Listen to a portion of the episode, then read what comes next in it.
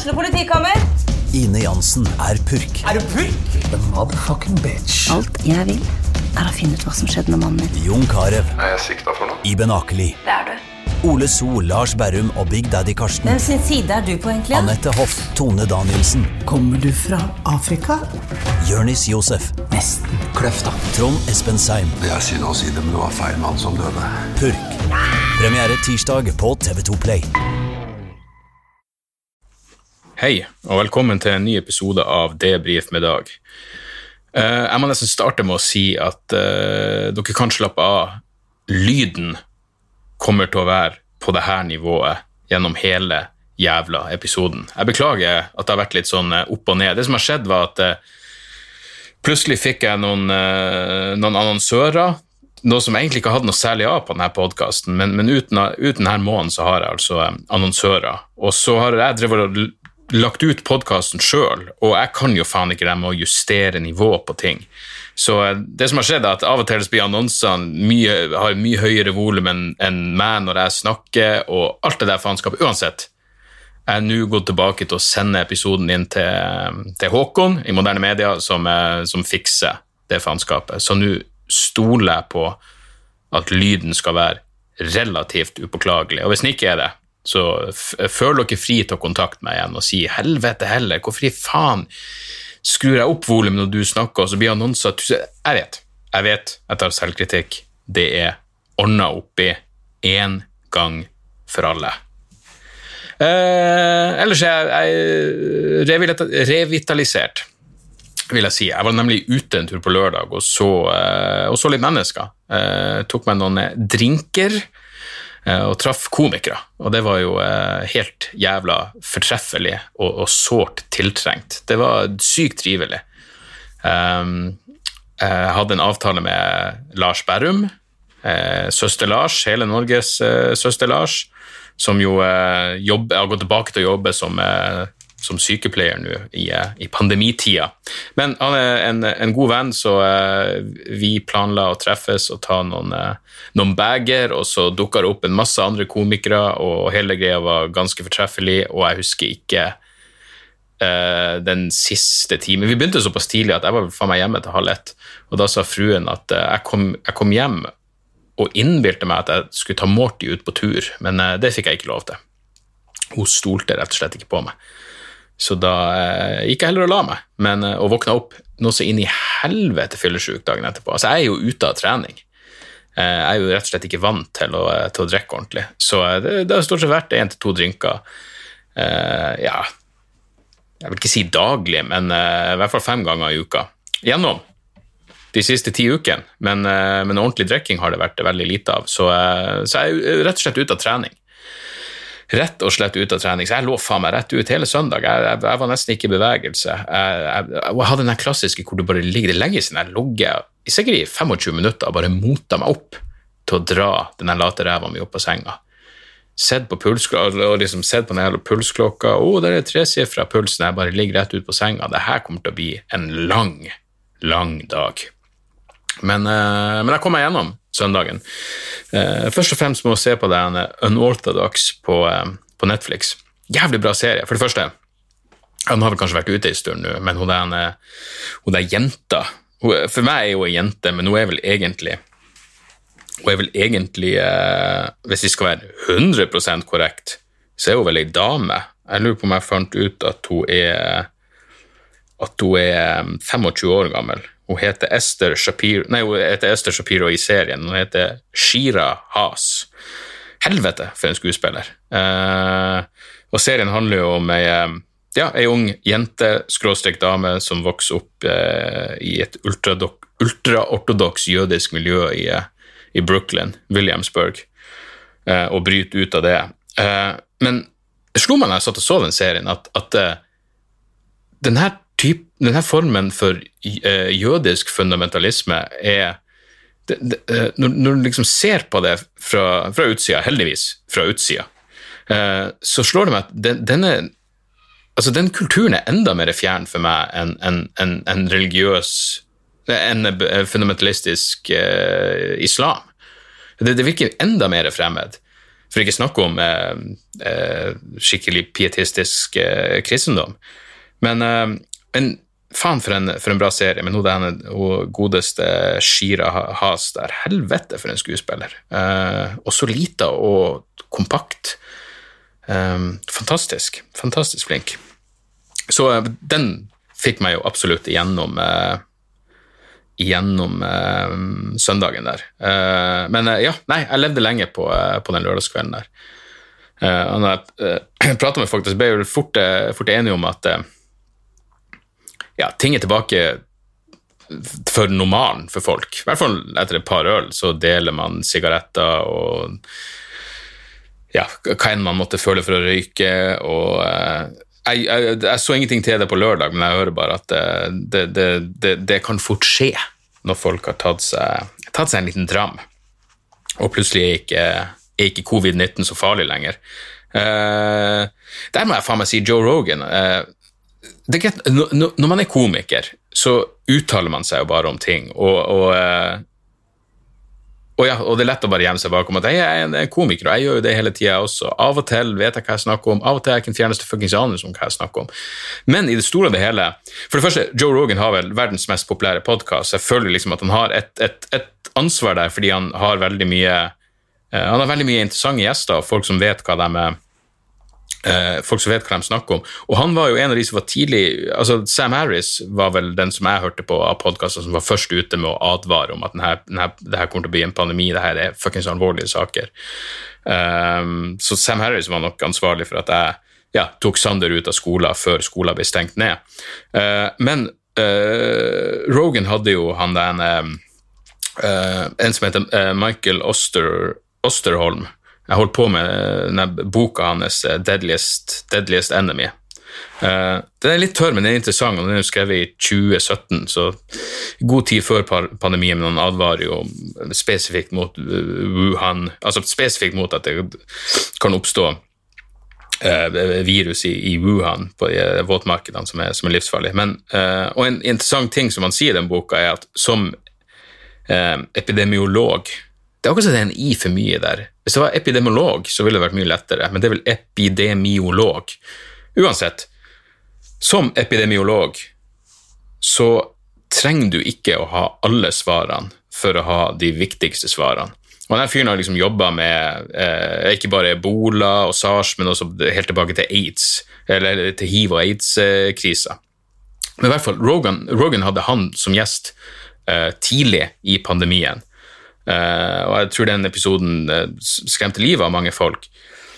Men det som nå har skjedd, er at, uh, at Rogan hadde Elon Musk som gjest i forrige uke. Og det er jo selvfølgelig interessant, fordi forrige gang Elon Musk var der, så fyrte han jo opp en joint, og det gikk hardt utover Tesla-aksjene og alt det der. Men, men men Elon Musk er kritisk til, til nedstenginga av, av, det amerikanske samfunnet. Eh, veldig kritisk, faktisk, fordi Og jeg tviler ikke på at han liksom oppriktig, oppriktig mener det, men man skal heller ikke glemme at han i høyeste grad har økonomiske insentiver for å, eh, for å eh, for å ha lyst til å åpne opp samfunnet igjen og få eh, arbeiderne sine tilbake på jobb. Jeg skal vel se, det var vel i dag det sto en greie i I dag det sto en greie i Klassekampen om det her. Ja, Elon Musk går rettens vei for å få åpna sin koronastengte Tesla-fabrikk. Milliardæren anklages for å sette eh, arbeidernes helse i fare. Så uansett, han, han går jo ut og, og prøver etter sitt ja, Han prøver liksom å, å, å nyansere hvor, hvor farlige covid-19 egentlig er. Eh, men nå når du ser at han nå eh, har altså han, Jeg ville tro Elon Musk hadde en baktanke med å møte opp på verdens største podkast for å begynne å prate om at eh, covid-19 ikke er så farlig, når han kort tid etterpå er villig til å, til å bruke rettsvesenet for å få sine egne arbeidere tilbake på jobb. Men det som er merkelig med det her, er at Rogan han sluker bare alt det Elon Musk sier. Og hør her, det, det, er jo ingen tvil om at Elon Musk er et fuckings geni. Eh, men det at han er et geni på enkelte områder, eh, betyr jo ikke at han vet mer enn en eksperter om denne pandemien, ikke sant? Og uansett om du var jeg mener, fuckings eks eksepsjonelt smarte folk kan også ja, Mitt favoritteksempel når jeg hadde han, eh, han Jeg en kompis som var kreftforsker og røyka i tillegg. Men igjen, det, det betyr jo bare at han hadde ekstremt selvtillit på jobben sin. ikke sant? Han, han, han tenkte det her skal vi løse, så derfor er det ikke så farlig om jeg røyker. Men, men poenget mitt er Elon Musk setter ikke på noe klassifisert informasjon om covid-19 og hvor farlig det egentlig er. Rogan han bare snur 180 grader, og uh, i episoden uh, dagen etter uh, Elon Musk-episoden, så har han en, en helt sånn grusom ja, Han er vel bokstavelig talt hjerneskada MMA-fyr. Det er ikke så nøye. Han, han har en sånn MMA-fight companion. Det, det er en type podkast jeg aldri ville hørt på. Men, uh, men jeg så et par klipp på YouTube uh, hvor de prater om eh, om covid-19, og nå har Rogan snudd helt om. Nå, er han på den linja med at nei, men altså, det her var ikke som vi trodde, og det er bare som influensa. Det er en kraftig influensa, men nå må vi åpne opp og gjøre ting. Og det er sånn, ok, jeg skjønner at du kan skifte mening. Det er ingen verdens ting galt i å skifte mening. Jeg, jeg skifter mening. Når det kommer til den fuckings pandemien, så skifter jeg mening annenhver dag. Jeg kan fortsatt gå fra å være nervøs til å tenke at alt at jeg ikke, nesten ikke trenger å bry meg, til å være dritredd, til å tro at det her bare Altså, jeg skjønner at man kan skifte mening, men å bare snu sånn, tilsynelatende kun av det Elon fuckings Musk sa om covid-19, som om han har nå fuckings innsidekunnskap om det her, og så plutselig nå bare spre det til alle lytterne sine at det er ikke så ille, vet du faen hvorfor folk stresser. Men vel, du var en god grunn til at folk stressa, og igjen, jeg vet ikke om folk har stressa med god grunn eller ikke, men altså, det får da faen meg være grenser etter å snu med Elon Musk-vind. Som om han Bare fordi Om han så fuckings får oss til Mars og lager raketter som kan lande sjøl, det ville vært helt jævla fantastisk. Benekter ikke at fyren er et geni, men det betyr ikke at han sitter på noe jævla kunnskap som andre Altså, Elon Musk sier jo på et tidspunkt at eh, et av problemene med Og igjen, her skal jeg være mer enn villig til å ta feil, eh, men Elon Musk sier at eh, måten de registrerer covid-dødsfall på i USA, er såpass ille at hvis du blir påkjørt av en buss, og så har du covid-19, så finner de ut at du også har covid-19, så blir du registrert som om du blir drept av covid-19. Det, det kan umulig Og han snakker det som en kødd, han gjentok det flere ganger. Det kan Altså, jeg prøvde å finne ut av det her. Jeg, prøv, jeg bare gjort eller prøvd, jeg har gjort et halvhjertet forsøk på å finne ut av det her, men jeg prøvde å google det, og alt jeg kan finne ut, er at mange bussjåfører i USA har dødd av covid-19, og da sto det ingenting om at de kjørte bussen utfor ei fuckings bru og drukna, og så fant de ut etterpå at de i tillegg hadde covid-19. Altså, jeg vet at det er mange forskjellige måter å, å, å føre dødsfall på. Jeg mener, det her har vært en, debatten, en av debattene bare i, i forhold til, til hvordan Norge og Sverige, at vi registrerer dødsfall på forskjellige måter. Eh, At Sverige bare loggfører alle som har covid-19, har dødd av covid-19. ikke sant? Så, så jeg vet ikke, men det virker jævlig rart å bare kjøpe og bare sluke.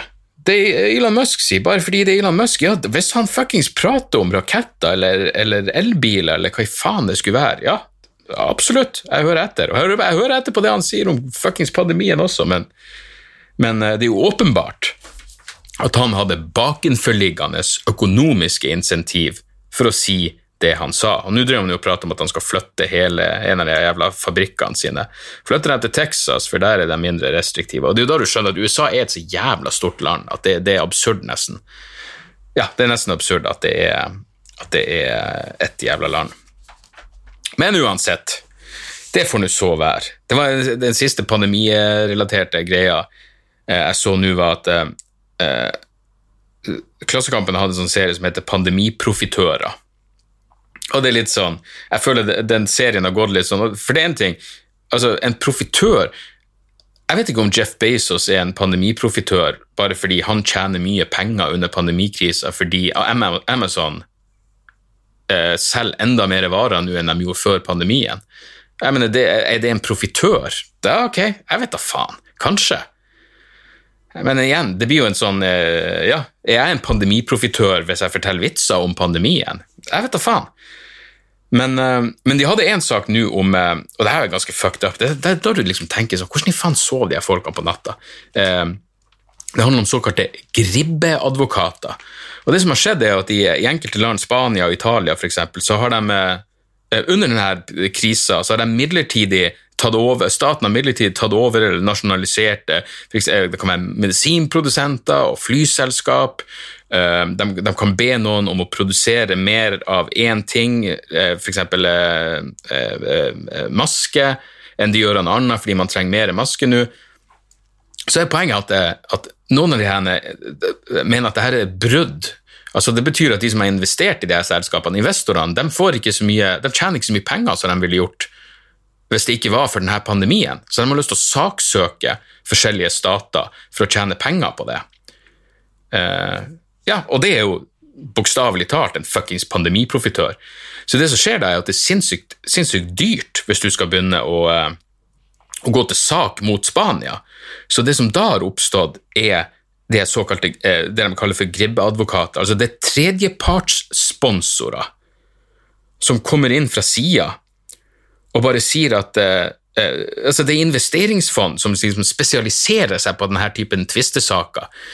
Og så sier de at hei, vi skal betale for at du saksøker eh, f.eks. Spania. Vi skal ta hele jævla rettsregninga, og det kan være jeg vet da faen, hundrevis av millioner kroner. Jeg vet da faen hvor mye det vil koste. Nå hiver jeg nå bare ut et tall, hva faen vet jeg. men um, men ja, det, det påpekes at mange av de advokatene tar i snitt 1000 dollar i timen. Og eh, ja, faktisk, se her, jeg sa hundrevis av millioner kroner. Um, ehm, OECD har anslått at en sånn sak i snitt koster 4,5 millioner dollar i rene utgifter. Så uh, langt unna flere hundre millioner, men uh, fortsatt uh, ja, hva faen blir det, 40 millioner kroner. Det er ikke småpenger. Så det de tredjepartsinvestorene kommer inn, henger dere fortsatt med på det, for jeg begynner faen meg å dette av. Her kunne vi trent her kunne vi trent en punchline, en liten pulevits. Men de kommer inn fra sida og sier vi sponser rettsutgiftene, men vi vil ha 50% av profitten hvis dere vinner saken. Så på den måten så risikerer du ingenting med å, eh, å saksøke. Og så risikerer du at eh, ja, pengene går til fuckings allerede søkrike investorer i stedet for å gå til det spanske folk, som uten tvil kommer til å slite økonomisk i lang jævla tid fremover. Og da lurer jeg på Altså, Jeg skjønner at du er i en institusjonell rolle som en gribbeadvokat. Men hvis det er det du sier på et cocktailparty Nei, en gribbeadvokat, ja, da kommer det noen oppfølgingsspørsmål, eller så eh, så blir du skydd som fuckings pesten. Men hvordan sov du på natta? Det er det jeg lurer på. Hvordan i faen sov du på natta? Jeg husker jeg la ut en sånn kødd, bare. Det er jo noen sånne fuckings Ørjan Burøe Han er medinvestor i et eller annet, noe greier som heter Spikes som er altså altså Det er så hjernedødt at selv Snåsamannen himler med øynene når han tenker, tenker, på spikes. Men du setter på deg et eller annet plaster som skal treffe chakrapunktene dine, eller hva i helvete det er for noe, og så skal det kurere Gudene vet. Alt fra vondt i ryggen til, uh, til, kreft, vil jeg tro. Jeg aner ikke. Det kurerer alt. Så jeg la ut et bilde av spikes, på, og så skrev jeg at nå kan, uh, kan covid-19 bare prøve seg, for jeg er faen meg godt beskytta. Så fikk jeg melding på Instagram fra Ørjan Bure hvor han skrev takket være deg nå, så har vi eh, hatt en økning i salget, så takk for, eh, for eh, reklameringa. Og da skrev jeg bare hei, du, du fortjener hvert øre, jeg håper du sov godt om natta. Han svarte jeg sov som et barn. Og jeg tenkte klart du sov godt, klart du sov som et barn. Hvorfor skulle du ha dårlig samvittighet? For å ha dårlig samvittighet så må du ha samvittighet, ikke sant? Jeg lurer på om folk uten samvittighet får sånn fantomsmerter noen gang. Samme måte som folk som får amputert en, en, arm, og så plutselig kjenner de at det klør i armen, selv om de ikke har armen.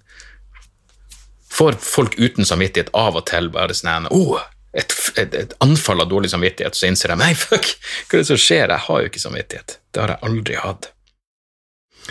Ellers så lurer jeg på hvem i faen er det som Klepp uh, tiltalte før rettssakene?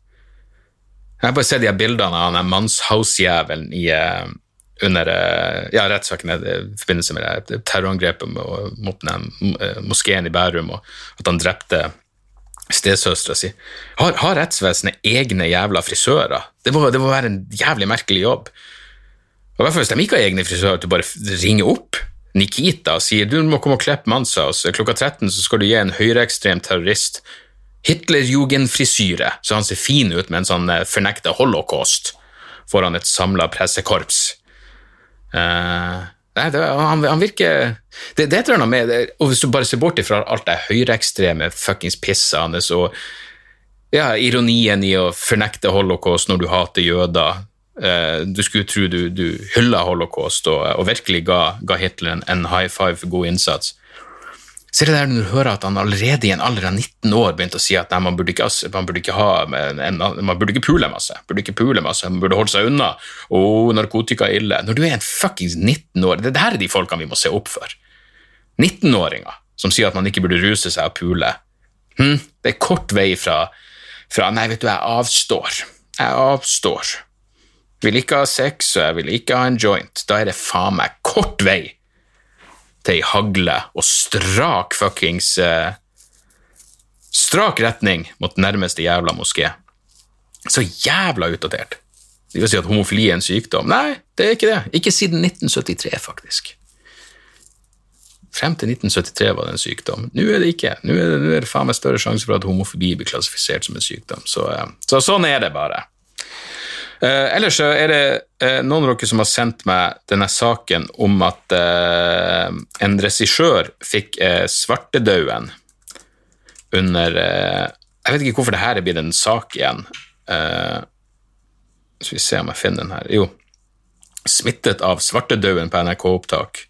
Da regissør Christian Holm Glad skulle filme pestinfiserte rotter til en NRK-serie, gjorde han en stor tabbe. Uh, og det gjorde han jo. Han gikk inn et sted der det var uten smitte, uten beskyttelse, og, eh, og ble smitta. Eh, greia er, det her var ikke eh, Og folk sender det til meg fordi de tror at det er den at det her skjedde da jeg var i Kasakhstan, og også var i et sted uten beskyttelse der det var smitte. Eh, men jeg ble i det minste filma mens, jeg gjorde det. Så jeg føler at det var unnskyldninga mi. Dette, her skjedde eh, to år før jeg var i Kasakhstan, men det var noen av de samme folkene. Faktisk, når vi var inne um, i et, sånne, et, et laboratorie, så fikk vi beskjed om at dere får ikke besøke det andre laboratoriet pga. det som skjedde sist gang. Og da ble jeg sånn, hva faen som skjedde sist? Så da, mens jeg var inne på laboratoriet, da fikk jeg vite at nei, vi var her for et par år siden, og da var det en jævel som Å, regissøren fikk, han fikk det svartedaue. Uh, det burde egentlig vært med i serien, for det var jo ganske gøy. For det var jo det som gjorde at jeg ble fuckings pissnervøs. Uh, var jo allerede litt skeptisk i utgangspunktet, men ble jo ikke mindre skeptisk. Um, selv om jeg fortsatt står inne for at jeg syns det er jævla ja, At det som ga meg mest noia nesten på hele greia, var når, å, når vi skulle ut og se på den jævla pestråten, så, så sa de at passe ekstra opp for flåtten. Uh, fordi flåtten kan hoppe opp og bite og flåtten, altså hvis de har så mye faenskap jeg mener Hvis du får svartedauden i Kasakhstan, så er det ikke noe big deal. De, de, de har en 200-300 stykker som får svartedauden hvert eneste år, så det er ikke noe problem. Du blir lagt inn der, så fikser de deg opp. Null stress. Men hvis du får noe av det faenskapet som flåtten har, da kan du faen meg ligge tynt an. Så uh, da måtte du være oppmerksom på rotten på den ene handa, men samtidig vil du ikke ha noe jævla uh, Ja.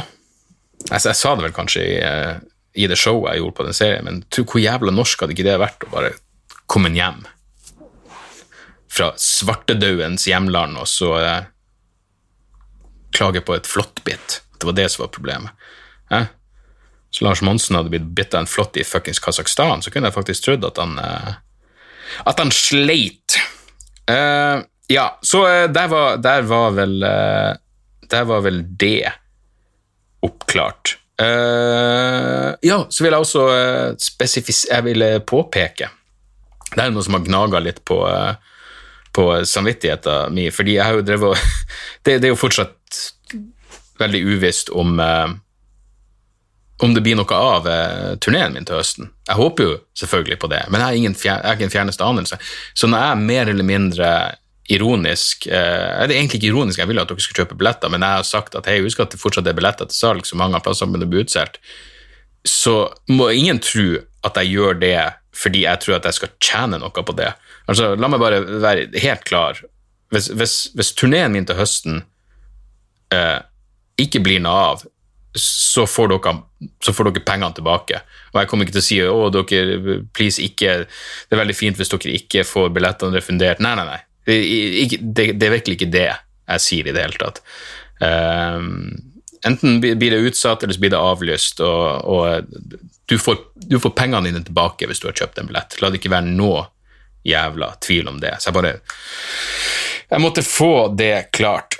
Um, så også en sånn ting som um, Jeg bare lurer på om det er jeg som var i uh, Jeg som var i feil humør når jeg leste den, men jeg syns Skal vi se Band Hvordan faen kan jeg Jeg husker jo ikke jeg, jeg fikk en sånn melding, for av og til så sender så sender band med eh, musikk som de vil jeg skal høre. Og det er jo eh, Det er jo bare hyggelig. Men jeg fikk en mail, og det bare irriterte jeg, altså, jeg hater når folk er når folk er så jævla lat. Fordi, sånn så jeg, jeg, jeg, jeg, fortalte jo om det da jeg skrev til eh, et amerikansk band og lurte om man kunne få en promo av skiva deres, så kunne jeg prate om den på, eh, på podkasten hvis jeg likte den. Da forklarte jeg jo hva podkasten var, og hvorfor jeg ville ha skiva og alt det der. Men av og til så Det var et band som bare sendte meg jeg skal ikke si hva de er, men bare sendte meg en mail bare Hei, vi slipper en ny skive på fredag. Fint om du kan høre på den, og hvis du liker den, så kan du prate om den på podkasten, og så en link til Dropbox. That's it. Ingenting mer. Ikke noe hvordan sjanger er det, hvorfor i helvete skulle jeg like denne plata, hvorfor skal, jeg, hvorfor skal jeg ta meg tid til å høre på den?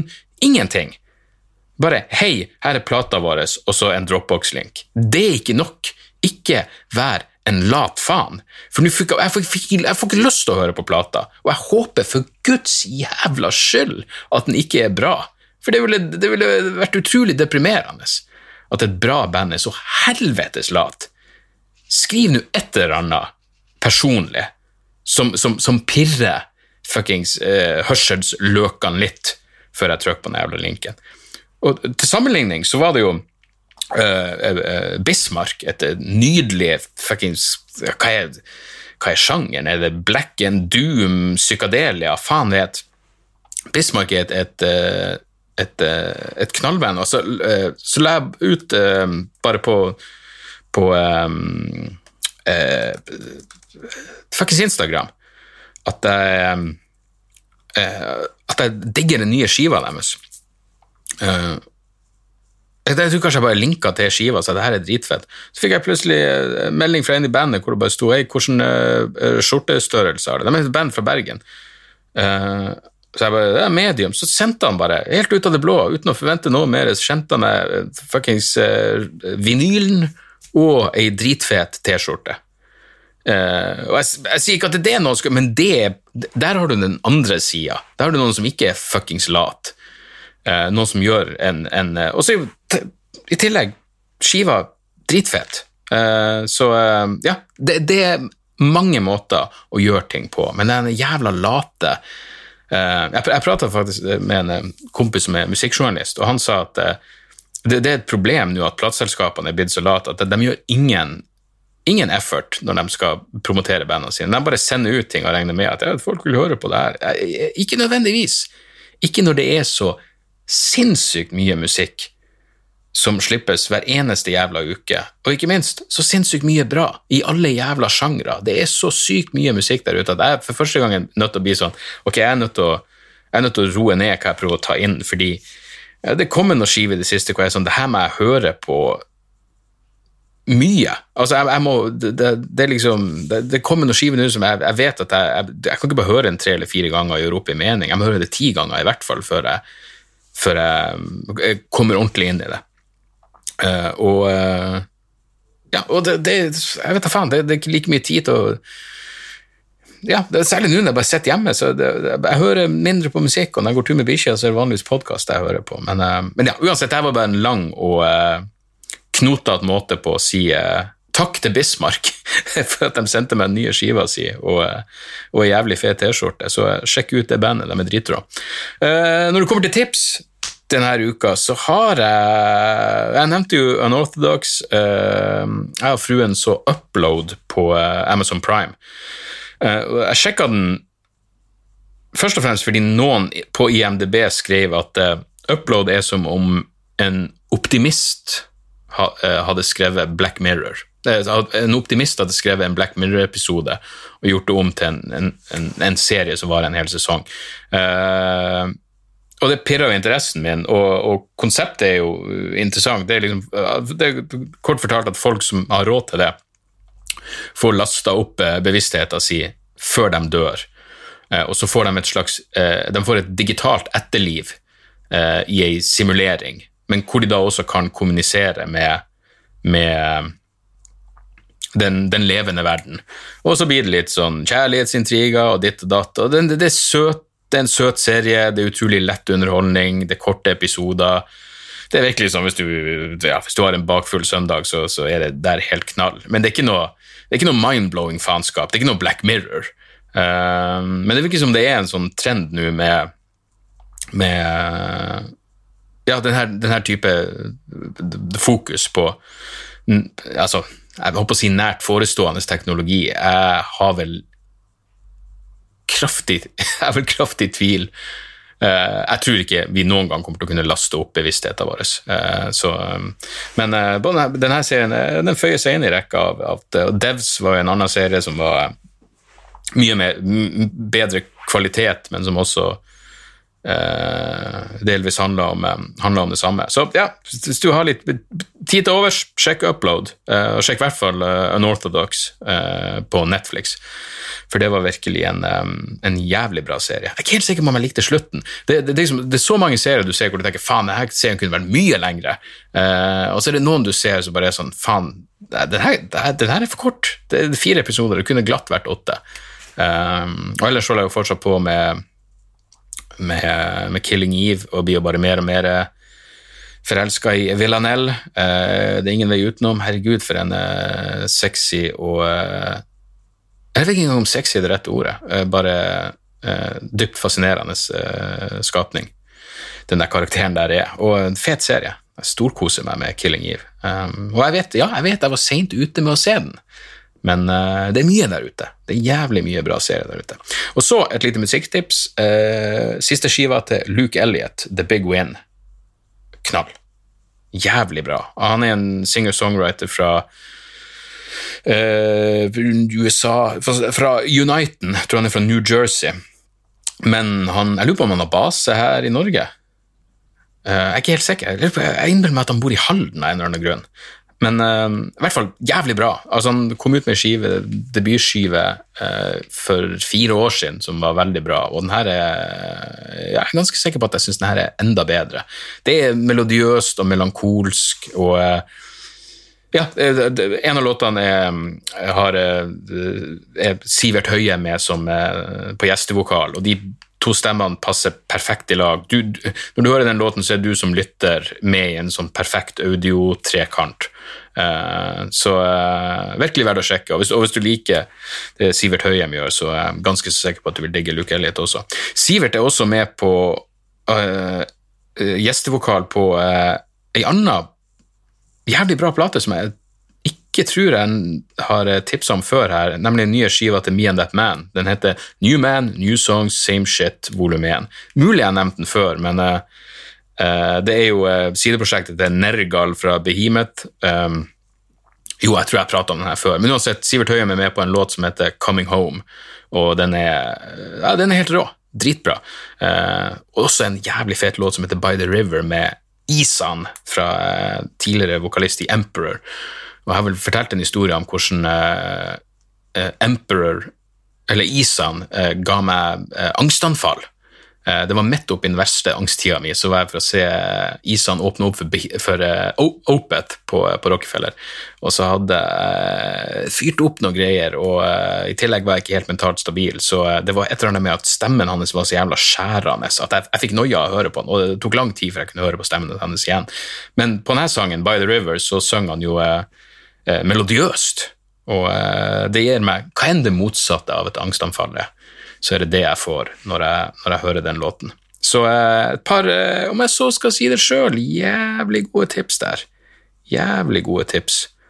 Um, jeg så også Dr. Sleep, um, den veldig merkelige oppfølgeren til Ondskapens hotell. Og jeg visste ærlig talt ikke, før filmen var ferdig, at den faktisk er basert på en novelle av Stephen King, som vel var skrevet som en oppfølger til, eh, til Ondskapens hotell. Eh, hvis du skal se den filmen Jeg husker den varte jo, Vi så noen sånn director's cut, så den varte jo faen meg i tre timer. Jeg husker jeg sa til Anne Marie underveis at det her er egentlig ganske middelmådig, og vi har fortsatt en og en halv time igjen, men jeg har ikke lyst til å slå av. Eh, Så vi så hele greia, og den er ja, den er verdt å se, men, men liksom, egentlig er det like greit å bare legge fra seg. Eh, ja, altså, Selvfølgelig en fordel å ha sett Ondskapens hotell i utgangspunktet, men hvem i faen har ikke det? Jeg kan ikke for meg noen i verden som setter seg ned for å se Dr. Sleep uten å allerede ha sett Ondskapens hotell. Men um, snodig. Snodig film. Uh, men, uh, men ja. Det, det, det finnes bedre ting å se der ute, men jeg, jeg kommer bare ikke på noen filmer akkurat nå som jeg har sett som jeg, som jeg burde anbefale noe, noe særlig varmere. Så der har vi det mine damer og herrer. Eh, folk sender meg litt spørsmål på eh, Patrion. Jeg kan jo ta eh, et par av dem når vi nå først, eh, først var her. Og så for all del, eh, send meg gjerne Det, det, det har stoppa helt opp på mailfronten nå. Etter at jeg sa at jeg skal prioritere spørsmål fra Patrion, så har jeg bare fått et par jævla mailer. Eh, send meg gjerne eh, mailer også. Eh, da, da får jeg liksom en følelse av at noen hører på. Jeg, jeg, jeg, jeg var ikke forberedt på den mentale effekten av at det plutselig bare ikke kom inn noen mailer, og jeg regner med at faen, sitter jeg egentlig bare og, og, um, og snakker til meg sjøl her. Uh, ja. Eh, skal vi se, Ludvig spør Hvor kommer det her spørsmålet fra? Ja, uansett, eh, Ludvig spør på Patreon Hei Dag, din lille kosegutt. Jeg hopper endelig på Patreon-toget også fordi du fortjener å ha meg med, men nok snusk og fanteri. Noe jeg har lurt på, er hvordan, gjør, er hvordan du Noe jeg har lurt på, er hvordan du planlegger åpningen av et show. Jeg har hentet meg litt opp i dette når jeg ser diverse komikere. 99 av 100 begynner med å spørre har dere det bra, noe jeg syns er litt tamt, samt overgangen fra introen til første vits. Er dette noe du planlegger, eller blir det bare tatt på sparket? God koronaklem fra Ludvig. Uh, ja, det er jo egentlig et, et, uh, et godt spørsmål. Jeg kan huske en av de første gangene, eh, første gangen jeg gjorde jeg hadde show i Oslo. Var på en klubb som heter, heter Lille. Um, som var en, jævlig fet, en jævlig fet uh, standup-klubb som Reistad komikerklubb drev. Um, jeg husker første gang jeg skulle på Det, var, det, var, det var såpass traumatisk for meg at jeg har ja, det, det, det er et veldig klart minne for meg. Jeg må ha vært i 2004 eller noe sånt. 2004 Ja, 2003-2004. Jeg husker i hvert fall at jeg hadde pla og på denne tida, jeg var helt fersk, så alt, alt var planlagt for meg. Ned fra ny, jeg, jeg, nøyaktig hva jeg skulle si. Hei, jeg heter Dag. Alt det der. Jeg hadde planlagt alt ned til hver minste jævla detalj. Og eh, jeg står selvfølgelig og går gjennom det i hodet mitt når Jonny Kristiansen, eh, legenden Jonny på RDK, introduserer meg. Og idet han liksom i det han nærmer seg å si navnet mitt, jeg skjønner at han har begynt å introdusere meg, han nevner, begynner å nevne navnet mitt, så blir det bare helt blankt i øyet mitt. Og jeg går opp på scenen, jeg må ha sett fuckings likbleik ut, for jeg hadde ikke den fjerneste jævla anelse om, eh, om hva jeg skulle si for noe. Jeg hadde ikke peiling på hvordan jeg skulle åpne det her jævla showet. Og det er noe av det beste som hadde kunne skjedd meg, fordi det gjorde at jeg jeg måtte bare si et eller annet. Uh, og jeg husker jeg har ikke peiling på hva jeg sa for noe, men jeg måtte si noe annet enn det som var innøvd. Uh, og uh, det, det føltes jo selvfølgelig som, som fem-seks evigheter eh, i mitt hode, men det var sikkert bare noen få sekunder, så jeg tror ingen merka det. Og så dukka ting opp tilbake i hodet mitt, og så kunne jeg gjøre vitser. Men etter det så, så innså jeg at eh, det beste er, å ikke planlegge det første du skal si. Jeg, mener, jeg kan ha en idé om hva den første vitsen jeg skal gjøre, er. Eh, men det er bestandig Jo lengre du klarer å utsette det første du har planlagt å si, jo bedre er det. Eh, så det er jo eh, Jeg har sagt det før, men det er jo en av de tingene jeg, jeg ble, inspirert av da jeg- så, da jeg jobba med, med, med standup, var jo liksom se han kveld etter kveld etter kveld, og at han aldri åpna showet på samme måte. Det var et eller annet som bare var annerledes. Det trenger ikke å være en helt ny vits i starten. det bare, bare ikke si det samme. Eh, for det, det, pust, det setter deg i en sånn mindset som gjør at eh, Ja, jo, jo, mer du bare klarer å prate vanlig i starten eh, Ja, jeg, jeg, tror det gjør det å si, innøvde materialet ditt bedre når du nå til slutt eh, kommer til det. Så kan vi ta et uh, siste spørsmål, siden det er betimelig. Yrjan. Uh, Yrjan med Y-R-J-A-N, han spør uh, kan du forklare litt rundt ditt dyptsittende hat for 17. mai og korps. Um, vel, for det første, det er en greie som om korps. Jeg tenkte jo ikke på at det å kritisere korps er jo det meste hekkige faenskapet du egentlig kan gjøre. Og det er ikke som jeg egentlig har noe problem med korpsmusikk i seg sjøl, eh, annet enn at jeg syns det høres eh, jævlig ut. Men jeg har, ikke noe, har ikke noe problem med korps, det er bare det at jeg forbinder korps med 17. mai, som, som jeg virkelig hater. Um, jeg vet ikke hvordan du kan sammenligne det med, men Hvis jeg hadde blitt uh, sodomisert av velutrusta Viagra-induserte speedfreaker, uh, og så ga de meg Pepsi Max i pausen, så er det ikke som jeg hater Pepsi Max, men jeg hater det Pepsi Max minner meg om, som er at jeg ble misbrukt. ikke sant? Så Korps er som en leskedrikk under ei voldtekt. Um, og Pepsi Max er ikke en, en sponsor. Um, det var faktisk ei som hadde en en kronikk i jeg tror det var i Aftenposten eh, om eh, ja, det må ha vært Aftenposten eller Klassekampen om at hun spilte i korps da hun var barn og ungdom, og at det ble et slags samhold mellom eh, korpsmusikantene, eh, hvis vi skal ta oss friheter nok til å kalle dem det. Um, fordi de visste at de var sett på De visste at alle flirte av dem, og det ga dem et samhold. Og eh, det gjorde bare at jeg, ja, jeg følte meg som en pikk for at jeg hadde gjort narr av dem. Jeg burde, jeg burde støtte korps. Av hele mitt jævla hjerte. Så egentlig ikke noe problem med korpsmusikk. Problemet med korpsmusikk er at de opererer på 17. mai. Ikke sant? Og 17. mai har et, eh, et anstrengt forhold til. Og hør her, det, det, jeg, jeg, tror en av hovedårsakene er at uh, da jeg vokste opp uh, Eller ja, da jeg ble ungdom også, jeg, jeg hadde aldri noe jeg har aldri hatt noen kultur for det der 17. mai-frokostene, og så dagdrikker man hele jævla dagen. Hvis jeg var vant til å dagdrikke hele 17. mai, så hadde sikkert det vært min favorittdag i hele jævla året. For det er jo virkelig den dagen hvor det er sosialt akseptabelt å vandre rundt brisen. Um, så i den forstand så er jo alt tilrettelagt for at, for at, jeg skal elske 17. mai, men det er bare så, det er så klamt uh, og påtatt og uh, ja, jeg har liksom ingen, jeg har ingen gode minner av 17. mai. Og selv nå så er det sånn Ok, så sønnen min skal gå i, i, i barnetoget. Det er jo et helvete styr å komme seg inn til byen, og så skal du få få og så skal du finne ut hvordan du skal hente han, og det er et helvetes mas, og det er trange T-baner. Jeg, jeg, ser bare ingenting.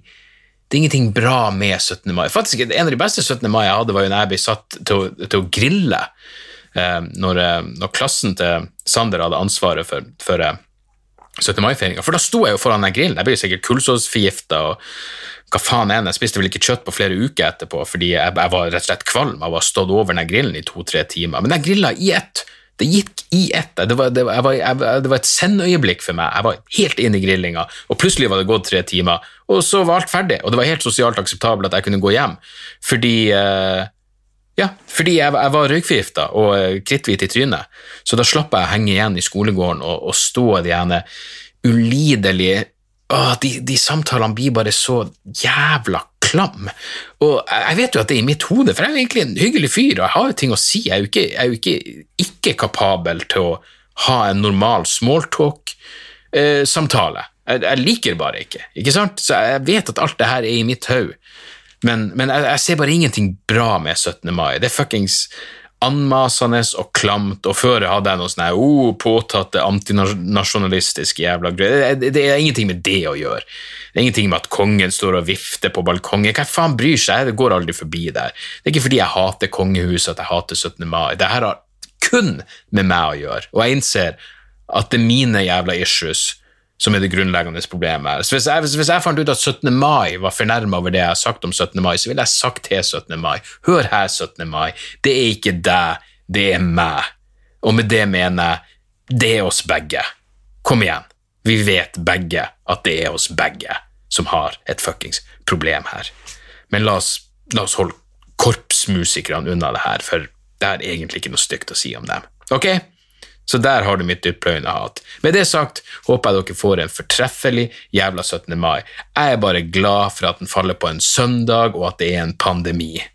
For da føler jeg at det må være sosialt akseptabelt å ikke gjøre noe stort ut av dagen. Jeg gleder meg som faen.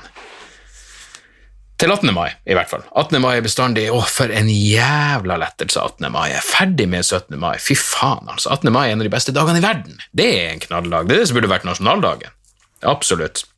Uansett, eh, send meg gjerne en mail, debrifpodkast.gmil.com. Støtt meg gjerne på Patrion, patrion.com slash dagsoras. Hvis dere vil vite hvor jeg kanskje kommer på turné til høsten, sjekk ut dagsoras.com slash hvor. Takk for at dere hører på. Rate and review, spre ordet, alt det der pisset. Men først og fremst, bare eh, ta vare på dere sjøl, og, eh, og ha en aldeles fortreffelig nasjonaldag. Ok? Tjo og hei! Moderne media. Da er det reklametid, og ukens annonsør er fiken. Hør her, jeg, jeg, jeg, avskyr ordet regnskap. Ordet regnskap eh, gir meg assosiasjoner som er uhyggelige. Det får meg til å tenke på andre uhyggelige ord som ettersyn og underlivsundersøkelse. Men regnskap er et nødvendig onde, og fiken er et så enkelt regnskapsprogram at selv jeg kan klare å ha kontroll på finansene hvis jeg bruker det. Eh, du kan registrere kjøpene dine bare med å ta et bilde av kvitteringa med appen, og så kan du bare hive, hive kvitteringen. Hvor nydelig kan det bli? Og Fiken forholder seg også til regnskap med overkommelige ord. Det er ikke masse overkomplisert økonomisk terminologi. De kaller det kjøp og salg i stedet for hva enn de kaller det på BI. Og du kan, eh, du kan få fiken til å sende purringen dine, sånn at du slipper å gjøre det sjøl. Slipper du de flaue øyeblikkene hvor du må skrive 'unnskyld meg, men det står noe utestående her, kan du fikse det fortest mulig', må jeg sende, må sende mafiaen etter deg? Nei, fiken fikser det så kan du skylde på algoritmene. Du slipper dårlig stemning. Jeg syns det er utrolig greit å slippe å styre med sånne ting sjøl, og nå kan du prøve fiken gratis i 30 dager. Hva, hva har du å tape? Bokstavelig talt ingen verdens ting. Så gå inn på fiken.no og prøv fiken gratis i 30 dager. Ok? Det var det så vanskelig.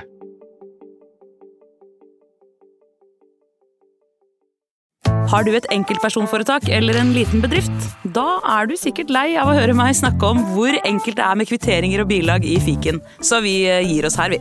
Fordi vi liker enkelt. Fiken superenkelt regnskap.